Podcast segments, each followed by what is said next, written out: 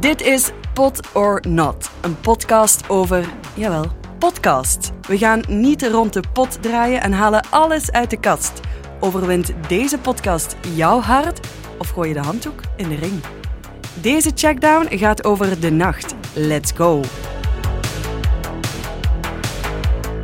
In de ene hoek zit, Brecht. hij omschreef De nacht in één woord als bruisend. En zou de podcast aanraden aan iedereen omdat Net als het Gentse nachtleven deze podcast gevarieerd en ook vrij wijs is.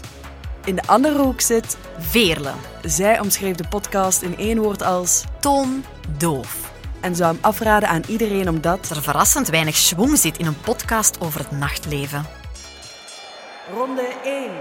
Midden in de donkerte van corona kwam dit lichtpuntje op ons af.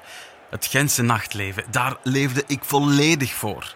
Toen de nacht gelanceerd werd, was ik al maanden niet meer naar een dancing of zelfs naar een café geweest. De knaldrang stond op een absoluut maximum. En toen ik hoorde dat Stad Gent daar een podcast over zou maken, leek dat een doekje voor het bloeden, om het te stelpen, zeg maar. Maar het was veel meer dan dat. De pijn van het missen van een duistere nachtclub was even weg tijdens het luisteren van deze podcast. Een Gentse collega van mij eh, die vertelde over een podcast over het nachtleven. Dat is iets nieuws. Ik ga wel eens graag de bloemetjes buiten zetten en ik dacht, daar zit muziek in. In realiteit bleek hiernaast een bleke openingstune weinig in te zitten. Ronde 2.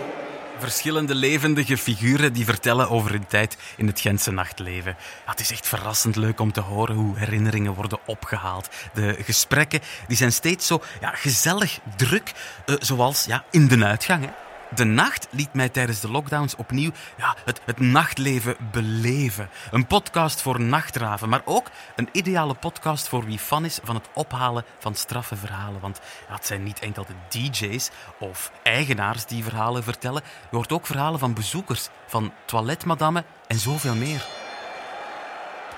Ah zoals ik al zei, de afwezigheid van muziek, ja, dat is super jammer. Want daar draait het nachtleven toch om? Voor de rest kon ik niet altijd even goed volgen. Al die Gentenaren die maar wat door elkaar praten. En bij momenten waan je je eigenlijk op de Vlasmarkt rond vijf uur s'nachts op de Gentse feesten.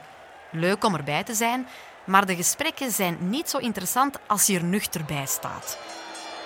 Laatste ronde.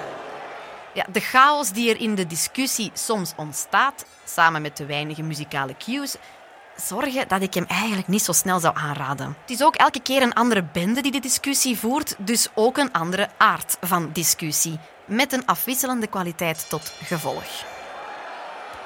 Het zijn levendige, sprekende verhalen op een heel nostalgische manier verteld. Ja, ik, zou het, ik zou het vooral aanraden aan iemand die iets heeft met het uitgaansleven zelf. Dat helpt misschien, maar het is zeker geen must. De verhalen op zich, dat doet iets tussen de oren. En daarvoor moet je zelfs niet eens naar die specifieke plekken zijn geweest.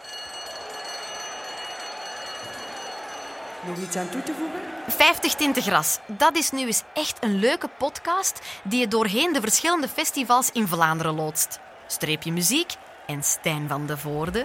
Oh, dat doet mij al verlangen naar de festivals. Het Gentse nachtleven met wereldwijde faam heeft nu ook een naslagwerk. Om te beleven, kom de beste keer naar hier. Kan deze podcast de pot op of staat deze al in de wachtruimte luisteren? Laat zeker jouw mening horen op checkpot.app. We zijn nog steeds op zoek naar een nieuwe reeks om te reviewen. Heb je een tip? Stuur maar een berichtje op de socials en wie weet zit jouw suggestie wel bij een nieuwe Pot or Not.